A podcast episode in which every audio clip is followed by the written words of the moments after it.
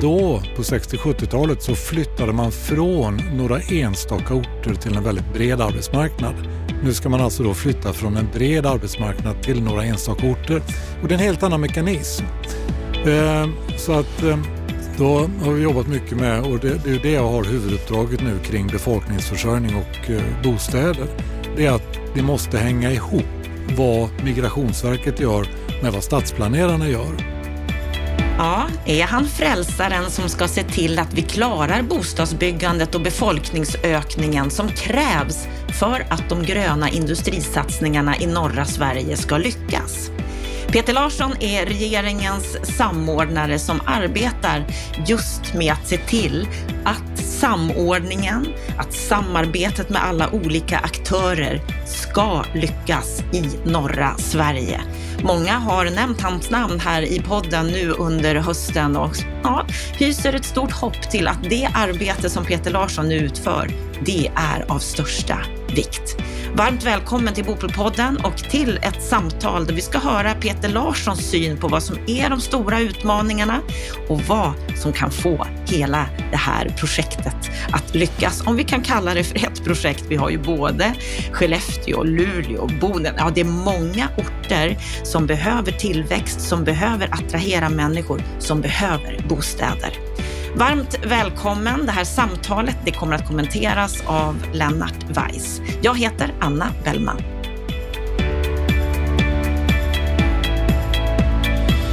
De gröna industrisatsningarna i norr menas av många vara något av det mest nödvändiga vi gör just nu, men samtidigt något av det mest utmanande.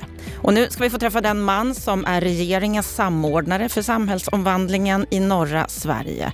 Och hans nya uppdrag handlar om att se vilka statliga stöd som behövs för att lösa det mest akuta problemet, bristen på bostäder. Varmt välkommen till Bopolpodden, Peter Larsson. Tack så mycket. Vad är din sinnesstämning idag? Ja, den är alltid på, i full fart om man säger så. Alltid liksom språnget vidare. Eh, vad är nästa steg? Eh, lite kall om fingrarna men det tillhör hösten så att annars är väl sinnesstämningen god. Det är bra det, för du har mycket som du jobbar med just nu. Bara för att få en liten bild av dig så är du civilingenjör i botten. Du har en lång bakgrund från Sveriges ingenjörer. Du är IVA-ledamot på livstid, ordförande för Göteborgs universitet. Tidigare har du också haft ett otroligt stort samhällsintresse, eh, jobbat på miljödepartementet, varit landstingsråd för Socialdemokraterna. Du har sagt så här i en artikel för några år sedan. Jag har händerna i fler syltburkar än jag har fingrar. Jo, jo, det är ganska bra. Det där kommer jag inte ihåg, men så, så, så var det. Och det. Det där ger, om man har många olika tillhörigheter, men som gränsa till varandra, då får man lite stereosyn. Faktiskt, så det är inte så dumt. Så jag har ju vänt mig många gånger när folk har sagt så här att ja, men de där som har många styrelseuppdrag och annat sånt där, hur hinner man med? Och det kan man väl ifrågasätta för vissa, men eh, just det där att få olika perspektiv. För att vi tror att verksamheter ofta är väldigt unika och då underskattar vi det som är gemensamt. Och ska man knäcka koderna till ett nytt område så gäller det att få koll på det som är gemensamt med andra områden. Mm, det viktigaste som är gemensamt det handlar om människor. Det gör väl alltid det? Ja, det gör alltid det. Och jag tänker att eh, ditt leverne på Runmarö i Stockholms skärgård, där du bor, vad ger det för perspektiv? Ja, det är stillhetens perspektiv. Det är avkoppling, reflektion, eh, men också att de nya tankarna kan födas fram. Hur, hur ska man lösa ett problem? Att gå och spika på sitt eget hus eh, är en väldigt fysisk sak som sen triggar hjärnan att tänka en ny tanke. Och du behöver ju tänka många nya tankar, tänker jag, i det uppdraget du har som regeringens samordnare för att titta på hur ska vi lösa den här problematiken i norr med den gröna omställningen där vi samtidigt är i den här speciella situationen där det inte byggs och vi har en lågkonjunktur. Hur ser du på den här situationen just nu? Ja, alltså jag ser både kort och långt eh, perspektiv. Dels eh, måste man ha i minne att det är fortfarande väldigt nytt. Det är 2017 som vi fick de här investeringsbesluten som nu har lett till den här höga uppmärksamheten men också följdinvesteringar av olika slag. Och det var ju samtidigt då Hybrid med SSAB, LKAB och Vattenfall och det andra var Northvolt. Och det var liksom två dramatiska saker i sig. De kom ju också som ett svar på de internationella klimatutmaningarna som vi hade väntat på i 30 år egentligen. Så lite ketchup-effekt där. Men de där två stora investeringarna de fick sen massor med andra följdinvesteringar. Så helt plötsligt så riktades liksom kompassen verkligen norrut i Sverige. Och då var det en första häck man fick hoppa över och det var fördomarna kallar på Stureplan eller om vi säger i Stockholm mot hur, hur ser det ut egentligen?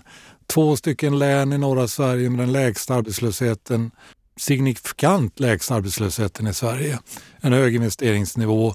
Så att det var liksom lite på tvärs och det där kunde många inte ta in inledningsvis. För det påverkade ju nationella beslut om trafikinfrastrukturinvesteringar, kraftledningar, miljötillståndsprocesser och sådana saker.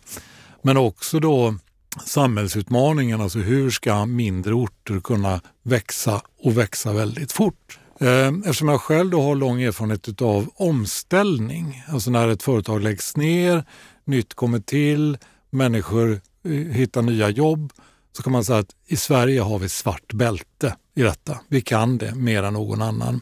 Vi lärde oss läxan från 1970-talet när varven lades ner, man förstatligade dem. Det var ingen bra väg, utan nu är det omställning. Men nyetablering har vi nästan ingen alls erfarenhet av och inte i den här gigaklassen.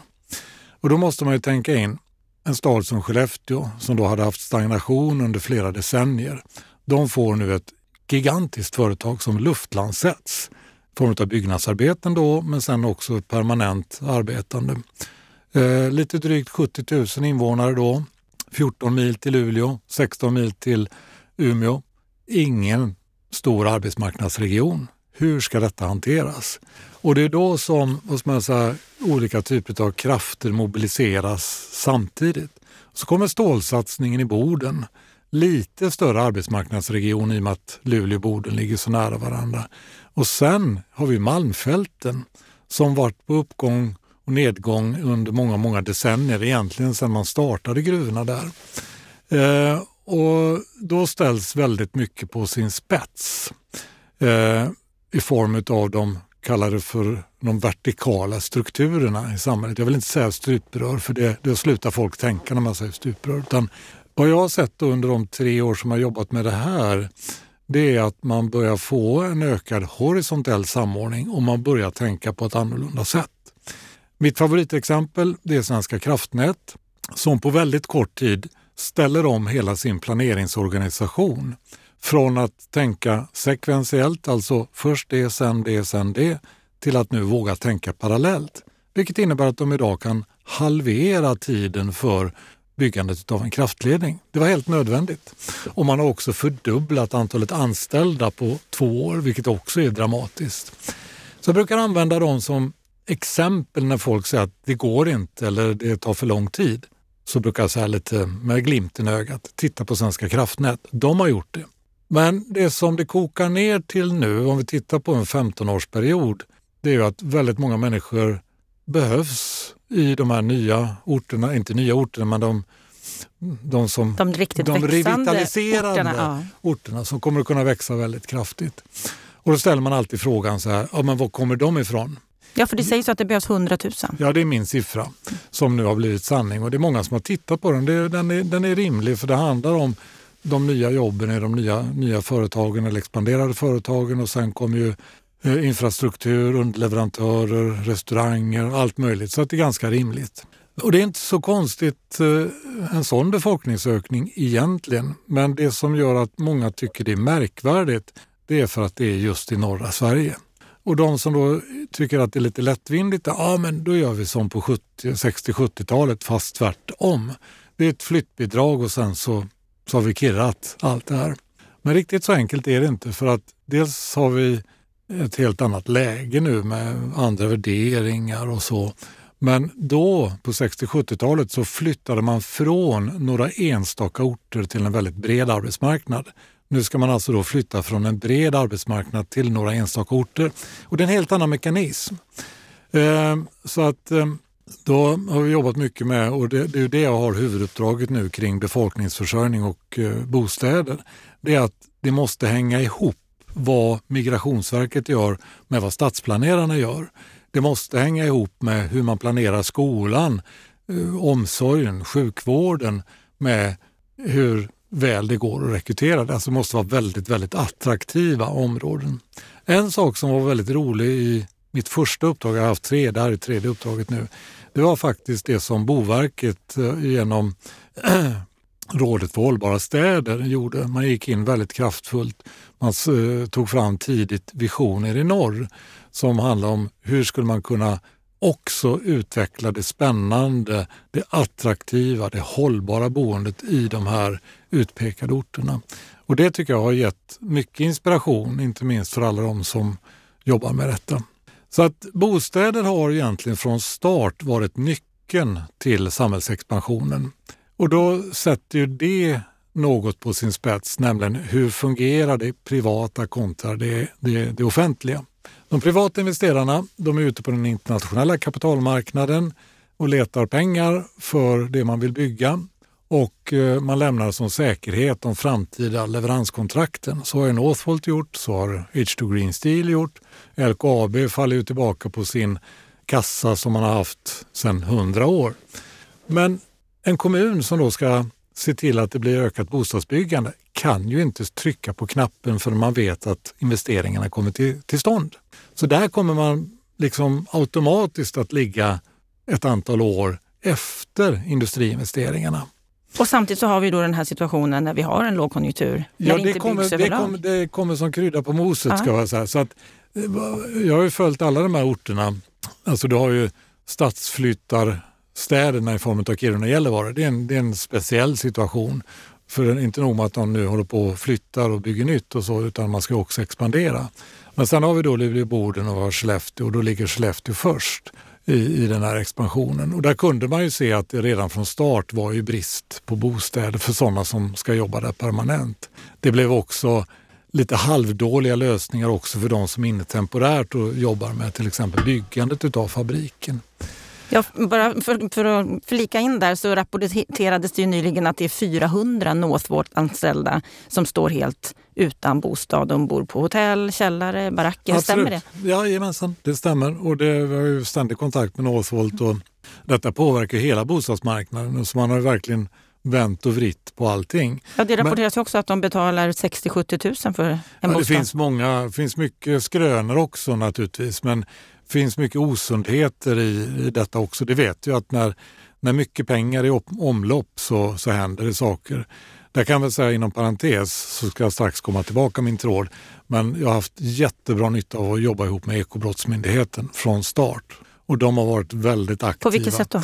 Ja, det handlar om de förebyggande insatserna, att rådge inte minst de mindre företagen när stora, när stora pengar är i omlopp. Alltså hur ska man gardera sig? Och de har erfarenhet och de delar med sig av det. Men tillbaka till den här frågan. Så det var ju liksom besvärligt från start. Och så kommer då lågkonjunkturen. Mm. Inflation, ränta. Det störtdyker i hela Sverige. Och det är det som ändå leder till min slutsats i min förra rapport men också då det nya regeringsuppdraget. Hur man skulle kunna hitta någon form av eh, stöd för bo bostadsbyggandet i orter som expanderar väldigt snabbt. Och varför kan man skilja ut det? Ja, uppgångar och nedgångar det är vi vana vid på den svenska bostadsmarknaden. Den här nedgången ser dock ut att bli väldigt allvarlig. Vi kommer att se mycket kapitalförstöring i byggbranschen, tyvärr. Kompetens som förloras och så vidare. Men på de här expansionsorterna då riskerar man ju att få en permanent lösning i form av fly-in fly-out. För nu har ju liksom företagen bestämt sig, de har byggt eller håller på att bygga. Så de kommer ju inte uh, måste man acceptera att eh, vi har brist på bostäder utan då hittar de andra lösningar. Och då är det temporär arbetskraft som flyger in, flyger ut eller att det blir taskiga miljöer och så vidare. Och då går ju de om intet de här ambitionerna som vi ändå hade från start att bygga nya spännande miljöer där, som attraherar människor från inte bara Sverige utan globalt också.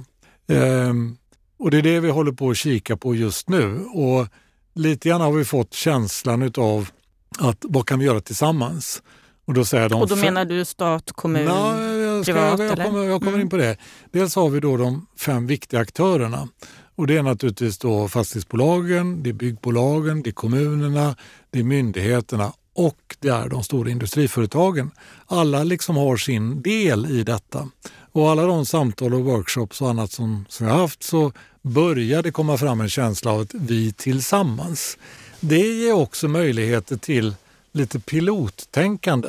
Alltså på vilket sätt kan man i den här situationen förändra processer som tidigare har varit invanda. Att så här har vi alltid gjort.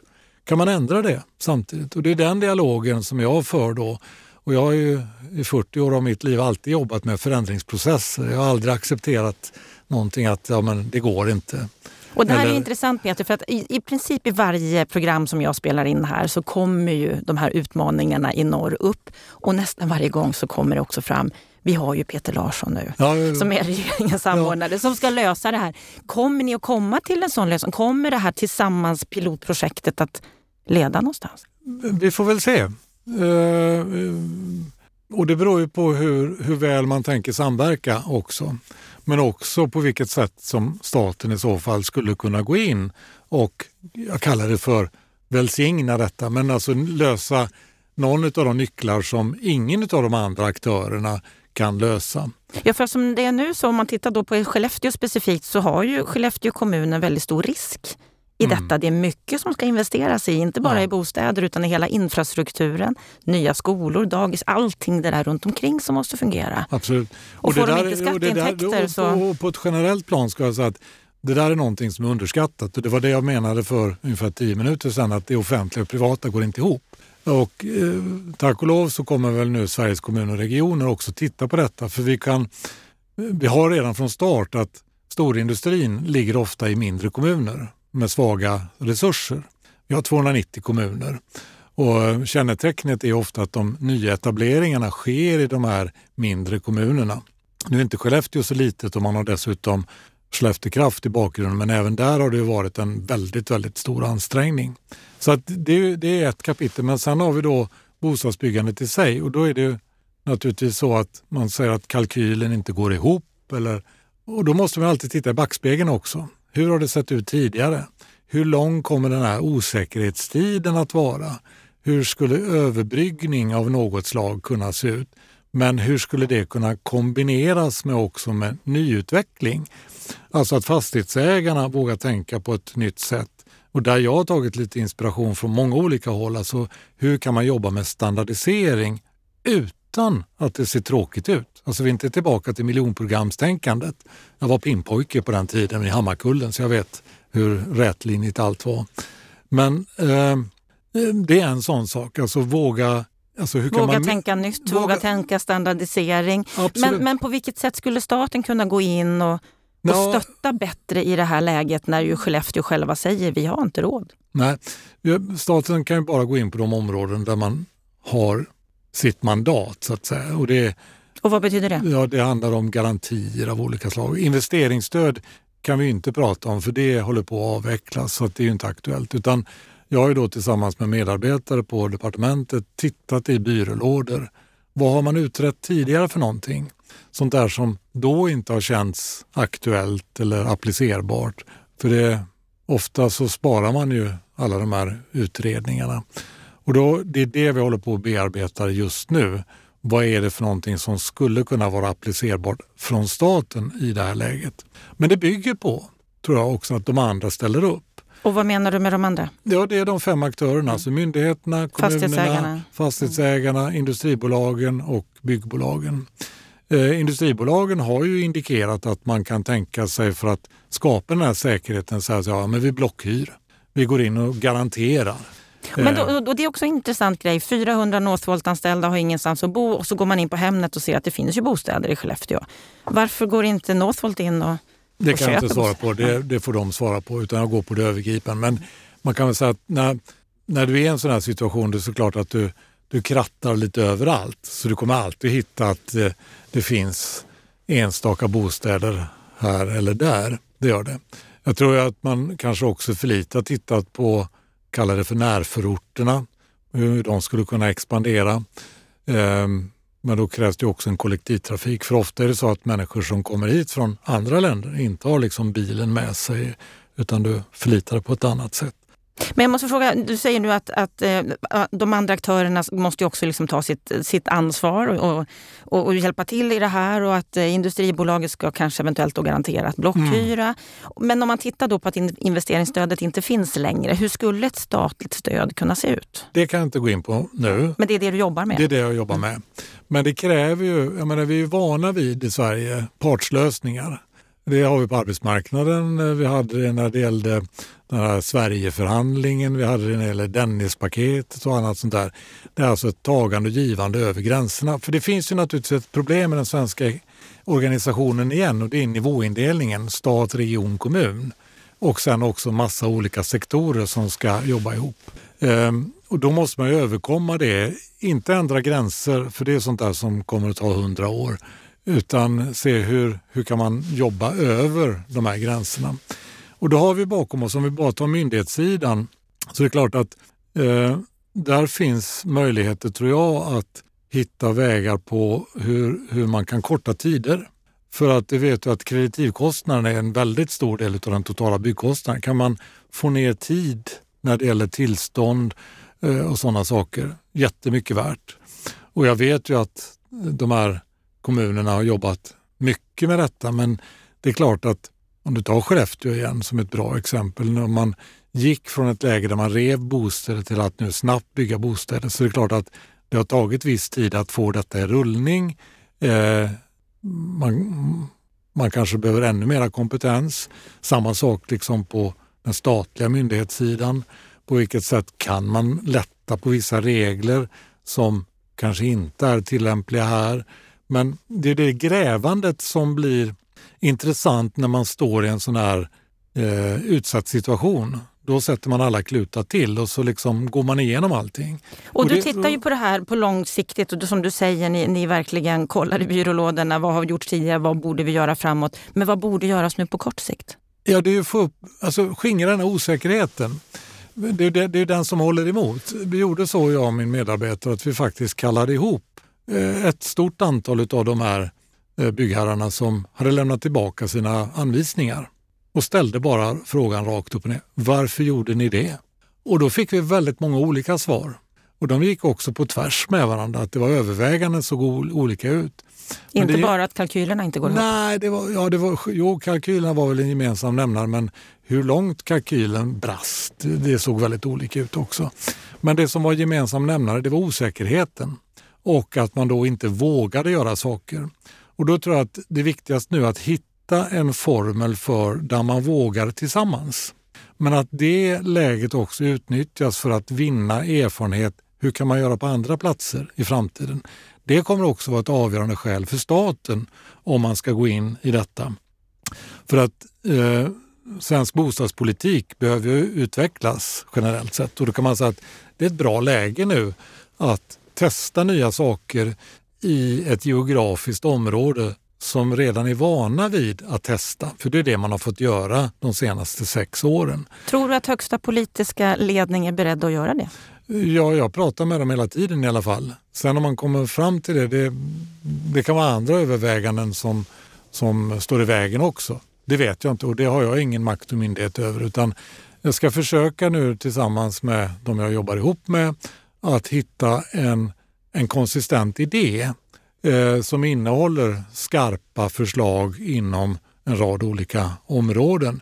Men det kräver också åtaganden från de som det berör så att man inte bara passivt säger så att nu måste staten komma hit. Det kommer inte funka. Mm, givande och tagande Absolut. och gemensamt ansvar. Gemen... Samtidigt så har ju vår bostadsminister varit väldigt tydlig med att det är, det är småhus som vi behöver satsa på här det i landet. Det kommer säkert vara en viktig del i detta och det står ju också för en del av lösningen eftersom det är kris i branschen och kan man hitta överbryggningsmöjligheter där så är det fantastiskt. Samtidigt som det behövs många andra typer av boenden också. Oh ja. Nej, men det, jag tror att eh, ett misstag som man gjorde tidigt här nu, och tidigt låter ju lite konstigt för det är bara sex år sedan, det är att man tänker utifrån de värderingar vi har och de, den känsla vi har som bor här redan. Så man måste fantisera hur tänker de som vill flytta hit?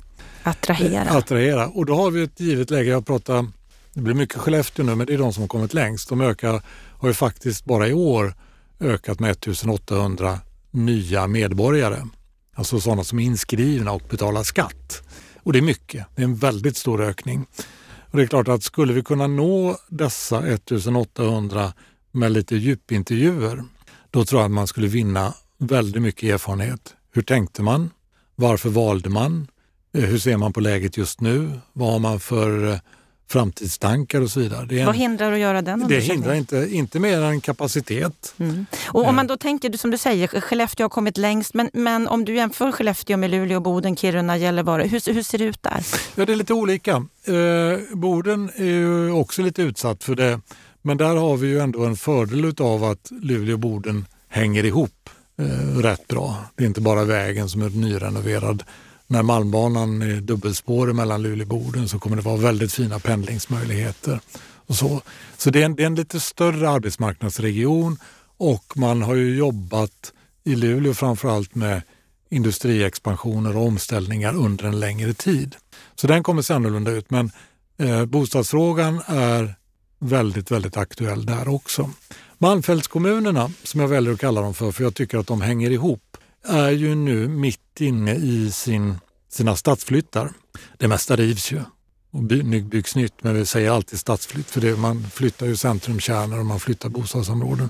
De har lite olika erfarenheter för att geografin ser olika ut. Gällivare tycker jag har valt en spännande modell där man har verkligen identifierat det här med att eh, en del vill bo fjällnära, en del vill bo stadsnära, en del vill bo vattennära. Så man bygger de här nya områdena. Men nu kommer expansionerna till båda de här orterna och då tror jag att utmaningarna där är annorlunda jämfört med kuststäderna. För att du måste också ta in välfärdsfrågor i allmänhet där. Eh, en av de viktigaste attraktionsfrågorna för Kirunas del, det handlar om skolan. Alltså att inte få riksnyheter en gång till om att man tvångsstänger en skola på grund av arbetsmiljöproblem, alltså att det inte finns tillräckligt med personal så vill man spetsa till det så att just nu är det viktigare med lärare än gruvarbetare till Kiruna om man ska bli lite spetsig där. Men det är den breda samhällsomställningen där. Markfrågorna kommer vara oerhört viktiga i Kiruna eftersom Kiruna stad inte har rådighet över så mycket mark för det är Statens fastighetsverk eller så är det LKAB. Så det där är en grej vi ska titta på naturligtvis. Eh, det är också kommunekonomin eftersom väldigt mycket av det nya bostadsbyggandet och fastighetsbeståndet eh, som har kommit till under senare tid, det driver ju upp avskrivningsnivåer och sådana saker. Så det är klart att en kommun som redan är i ett utsatt läge kommer att vara det ännu mycket mer framöver och det måste hitta sin lösning. Eh, jag tror annars mycket på en mera intensiv kontakt mellan de båda Malmfältskommunerna när det gäller en rad olika områden. Allmännyttan, eh, skolan, sjukvården och så vidare. Eh, mm, mycket behöver till. Jag skulle vilja fråga dig, för att häromdagen så kunde vi läsa i Dagens Industri blytung kritik. Forskare dömer ut gröna jätteprojekten. Och då står det så här i den här artikeln att statliga gruvjätten LKAB borde bli vid sin läst och H2 Green Steel läggas ner. Den slutsatsen drar forskaren Magnus Henriksson efter den första av tre granskningar av de stora gröna stålprojekten i norr. Och han säger så här till DI. Ur samhällets perspektiv är H2 Green Steel en dålig satsning eftersom det är en stor risk att det slår ut andra verksamheter. Billig billig el är en av få fördelar med att bo och verka i norra Sverige och då ska man inte ta ifrån det från dem som redan gör det. Vad mm. säger du om den här granskande rapporten? Känner Magnus ganska väl. Han är nationalekonom, han är inte ingenjör. Han, eh, de har fått väldigt mycket uppmärksamhet och det tror jag beror på en sak och det är att när någonting uppmärksammas väldigt positivt hela tiden, då förväntar man sig att också det negativa ska komma. Och inte minst inom journalistiken så har man ju hela tiden ett tvång på sig det här dubbla perspektivet att alltid redovisa den ena ståndpunkten och den andra ståndpunkten. Men jag kan, som, jag kan ju svensk industrihistoria ganska väl. Jag ser ju hur innovativa lösningar har bidragit till svensk industrins konkurrenskraft. Jag menar, vi kan nämna hur många exempel som helst med växelströmmen, RC-loket, AXE-växeln och så vidare och så vidare. Och jag tror nog att det är det man ser framför sig här också när det gäller utvecklingen av de industriella processerna. Jag måste säga att jag var jag har följt klimatfrågan i snart i 40 år, mycket, mycket intensivt. Och länge såg vi nog att de som skulle komma sist ut, det var den tunga industrin. Nu ligger de först. Och det där tycker jag är lite hoppingivande för då drar de andra med sig också, som också måste ställa om. Det jag tycker både Magnus och Björn och de, de som tillhör den här kretsen, vad de inte har sett, det är att det är vansinnigt bråttom. Nu ser det ut som vi inte ens klarar en och en halvgradersmålet. Visst, vi måste jobba med fördämningar och allt möjligt sånt där i framtiden, men eh, det får inte rasa iväg hur mycket som helst. Så det är inte bara svensk stålindustri som ska ställa om, det är globalt. Om vi då råkar ligga lite före, fine. Sen begår man ju ett annat misstag och det tycker jag att Harald Mix faktiskt be, bemötte väldigt väl i Ekots lördagsintervju. Nämligen så här, det är privata investeringar. Det är riskkapitalister och andra investerare som har gått in i den här anläggningen. Hur ska svenska staten säga till dem att de ska stoppa detta? Så funkar det inte. Som du säger, det är bråttom. Det är, det är mycket som bråttom. behöver komma på plats. Det är mycket olika delar som krävs. Det är att alla de här aktörerna som du har pratat om ska samverka, samarbeta. Kommer mm. vi att greja det här? Ja, det tror jag. Det kommer alltid vara gnissel och sådär, men jag har ju då haft förmånen av att få ha haft under de här tre åren väldigt, väldigt många möten med människor på olika nivåer, inom olika sektorer och lite grann har jag varit någon slags sambandscentral däremellan. Inte beslutat så mycket, för det kan jag inte göra, utan micklat ihop olika sektorer helt enkelt. Och jag kan se idag hur saker flyter på väldigt mycket bättre. Eh, att man stämmer av med varandra, att man tjuvlyssnar, att om ni gör det så gör vi det. Och jag tror min den andra förhoppningen egentligen, det är, är inte bara den gröna omställningen utan jag skulle kalla det för återbefolkningen av norra Sverige. Sverige behöver en mer balanserad eh, befolkningsstruktur än den vi har haft. Eh, för att de här kommer säkert att katalysera andra typer av investeringar. Inte, behöver inte nödvändigtvis vara energiintensiva utan det kan vara helt andra saker. För man söker sig till nya områden. När man bygger också nya spännande bostadsmiljöer så kommer människor att tänka sig att nej, jag vill ha ett annat liv, jag flyttar dit. Jag roade mig med en, en av de många rundvandringar som jag gjorde på Northvolts fabrik med alla de här internationella människorna som har kommit hit och ställde bara frågan varför, varför har du flyttat hit? Och det som är gemensamt är att hitta ett nytt liv mm. som inte är det trångbodda eh, där det hela tiden är buller överallt eh, utan man vill ha en helt annan livsmiljö. Och det är det vi ser nu. Och den, eh, vi ser inte så mycket liksom svenskar som flyttar. Alltså det, jag brukar ha exemplet eh, han som då har jobbat på gamla Svenska flaktfabriken eh, i större delen av sitt liv och hon i omsorgen. De har en avskrivet eh, radhus i Växjö. De flyttar inte. Men deras barn kanske gör det.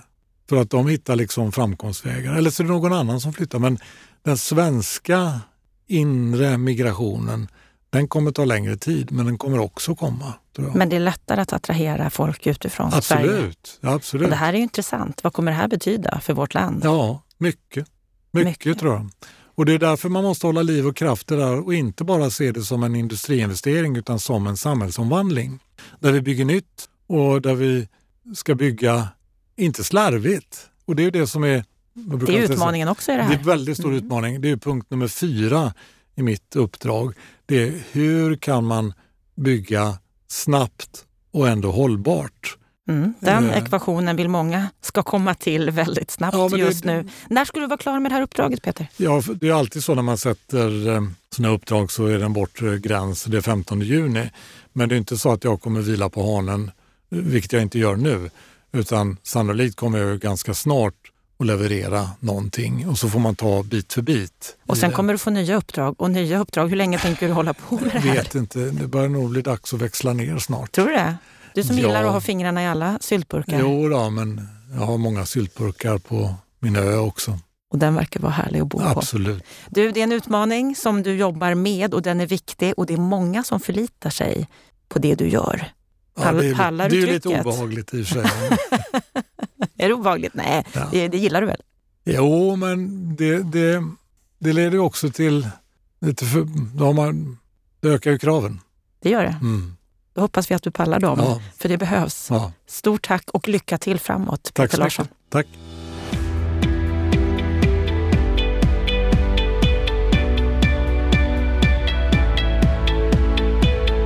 Ja, då har vi hört samtalet med Peter Larsson och hans syn på vad som krävs för att det här gröna industriarbetet i norr verkligen ska lyckas. Lennart Weiss, vad, vad tänker du när du hör det här samtalet? Ja, du kanske minns att jag skrev en ledare för några veckor sedan där jag kommenterade det seminarium som Peter Larsson bjöd in branschen till. Min ledare hade rubriken Peter Larssons sak är svår.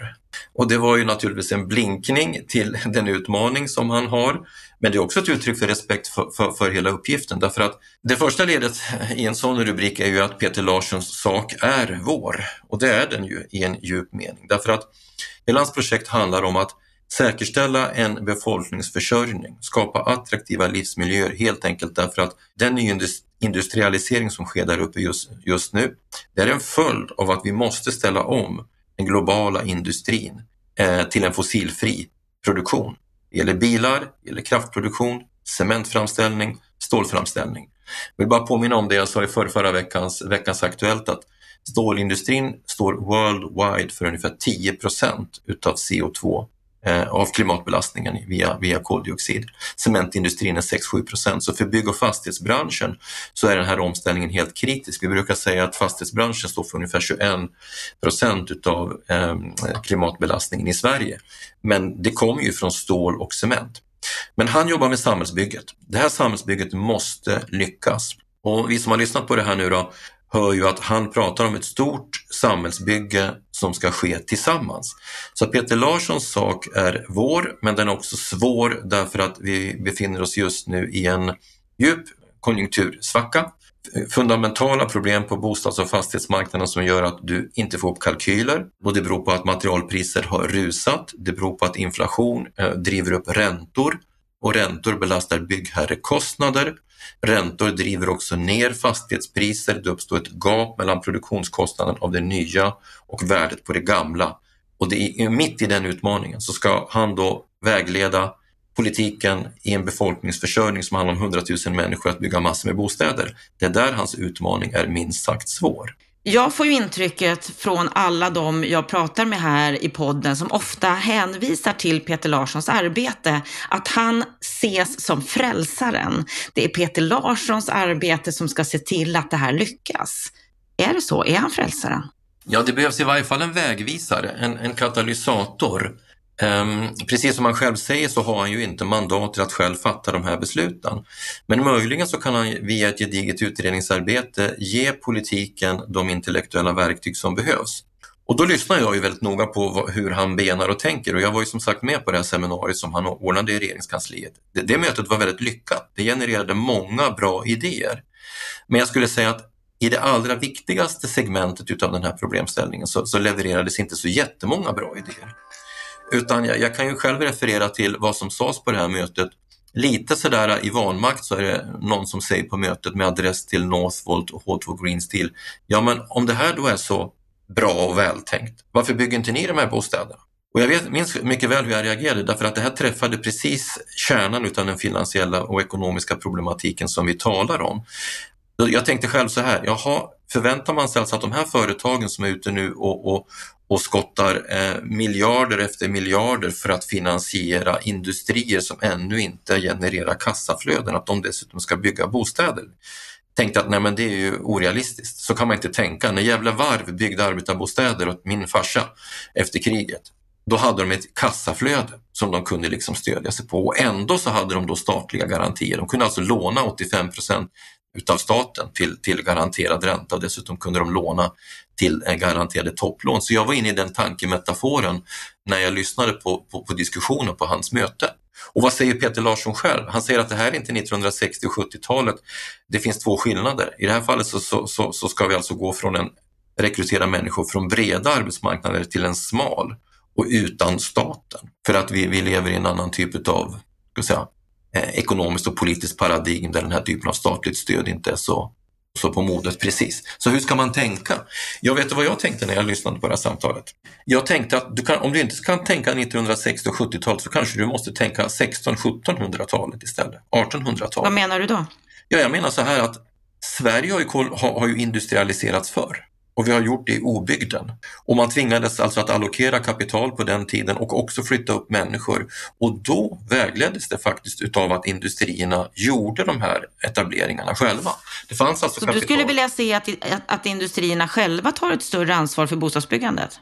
Ja, i en aspekt, men det kräver ett statligt stöd, en, en, en, alltså en statlig uppbackning. Jag menar så här, jag har ju själv lyssnat på fastighetsägare som har varit uppe i Skellefteå, Luleå och Boden och så kommer de hem och säger att hmm, hur vet jag att Northvolt kommer att finnas kvar så länge som min investeringshorisont sträcker sig? Jag kanske får upp kalkylen här och nu, givet vissa omständigheter. Men jag investerar ju med ett 60-80-årigt perspektiv. Det är så långt liksom jag ska binda kapital och skriva av mina finansiella kostnader. Hur vet jag att de här industrierna finns kvar då? Ja, den som måste tro på det, det är ju industrin själv. Så där har du den första liksom, spiken att, att dra. Northvolt måste tro på det här själv. Men om Northvolt ska, ska, ska driva den här processen då krävs ju två förutsättningar. De måste kunna låna upp kapital på, på, på, på rimliga villkor, det vill säga det kapitalet måste vara åtkomligt till ett rimligt pris. Där skulle staten kunna ställa upp. Där kan du liksom se en jämförelse mot den gamla bostadspolitiken och möjligen också hur det gick till längre tillbaka. Det har jag mindre kunskap om. Men där skulle kunna staten kunna ställa upp med finansiella garantier som gör att banken lånar ut till rimliga villkor. Det är det första. Då pratar vi om långa pengar. Men sen har du ett kalkylmässigt problem här och nu, Anna. Och det handlar om att gapet mellan en fungerande kalkyl Gapet till en fungerande kalkyl är ungefär hela byggmomsen och där tror jag att det blir nödvändigt att sätta in ett produktionsstöd. Så staten tänker jag mig skulle kunna sätta in ett regionalt riktat produktionsstöd för att få ihop kalkylen. Men sen måste man också in med garantier för att klara den långa finansieringen. Och, och kan man eh, klara de två vill säga, uppgifterna, då är det fullt rimligt att H2 Green Steel, att LKAB och eh, Northvolt kan göra det här. Och vet du, det finns en förebild för det här. Just nu så bygger Riksbyggen ungefär 200 lägenheter uppe i Gällivare. Och när jag frågade Riksbyggen, hur fan har ni fått igång det här projektet? Vet du vad svaret var? Hälften av bostäderna köps utav LKAB. Så att den finansiella kalkylen där uppe är garanterad av att det finns någon som går in och köper de här bostäderna för den egna personalen. Så att den här... Och du menar då att om Northvolt skulle göra på samma sätt i Skellefteå så skulle man få igång ett ökat byggande ja, där? skulle man kunna. Så det är en variant av, så det är en annan variant. Va? Alltså den, den går ju mera på vi tillsammans-perspektivet som Peter driver. Men jag tror inte att du kommer att komma hela vägen därför att Riksbyggen är ändå en finansiellt stark aktör. Den är en av, Riksbyggen är en av de absolut starkaste finansiella aktörerna. Så de kan ta en viss risk på Gällivaremarknaden. Och ändå vet jag ju att deras bostadsbyggande rasar som en sten jämfört med för två, tre år tillbaka. Så att du måste alltså adressera de väsentliga finansiella frågorna och det handlar om kort finansiering, byggkreditiv. Det handlar om att få ihop en kalkyl och det förutsätter någon typ av produktionsstöd. Det handlar om lång finansiering. Och möjligen också en fjärde punkt om du vill, för du, jag hörde ju att du förde in det här med småhus. Bra där, vad bra att du eh, flikade in det. Och det vore ju jättebra om folk byggde småhus, men då måste ju de ju kunna finansiera den investeringen med någon typ av lån eller egenkapitaltillskott. Så det är liksom fyra ty typer av finansiella utmaningar som måste till och jag tror inte att det finns någon aktör som kan klara det själv och jag tror inte att det heller kan ske i någon sorts traditionell vi tillsammans-mix utan det krävs ett mycket, mycket mer distinkt statligt engagemang. Så att om det kan ske, då tror jag nog att Peter Larssons svåra uppgift ändå går att lösa. Men staten måste se på sig själv på ett annat sätt än vad man har gjort de senaste 30 åren. Nytt mindset låter det som från, från statligt nivå framför allt kommer absolut att krävas och det är det som är den stora frågan. Eh, den kan inte Peter lösa själv men, men eh, med ett gott utredningsarbete och genom att visa hur alternativen ser ut får man helt enkelt exkludera. Vad, vad, vad har du för alternativ på bordet? Och så gå igenom alla de här alternativen och så konstatera det funkar inte, det funkar inte, det funkar inte. Ja, men vad finns det kvar då? Och när du har presenterat det, då är det bara att gå till Kristersson och Svantesson och fråga okej, okay, så här ser spelplanen ut. Välj! Eller så skites hela projektet och då kommer Sverige som industrination att säcka ihop och då kommer inte det gröna skiftet att fungera. Så att någonstans så måste man ställa politikerna mot väggen och få dem att förstå att det här är ett stort samhällsbygge som kräver deras aktiva engagemang, annars kommer det inte funka. Mm.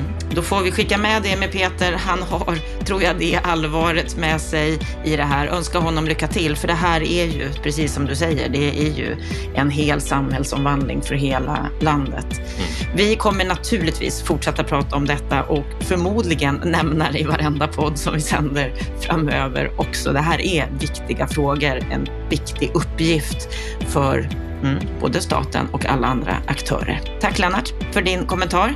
Tack till dig som lyssnar på Bopolpodden. Vi har många intressanta samtal och vi har många kvar det här året innan vi är färdiga med 2023. Bland annat så kommer vi att få träffa vår bostadsminister Andreas Karlsson här i podden. På fredag, då är vi tillbaka igen med veckans Aktuellt, det senaste som har hänt och skrivits i media under veckan. Jag hoppas att vi hörs igen då. Ha en riktigt fin vecka.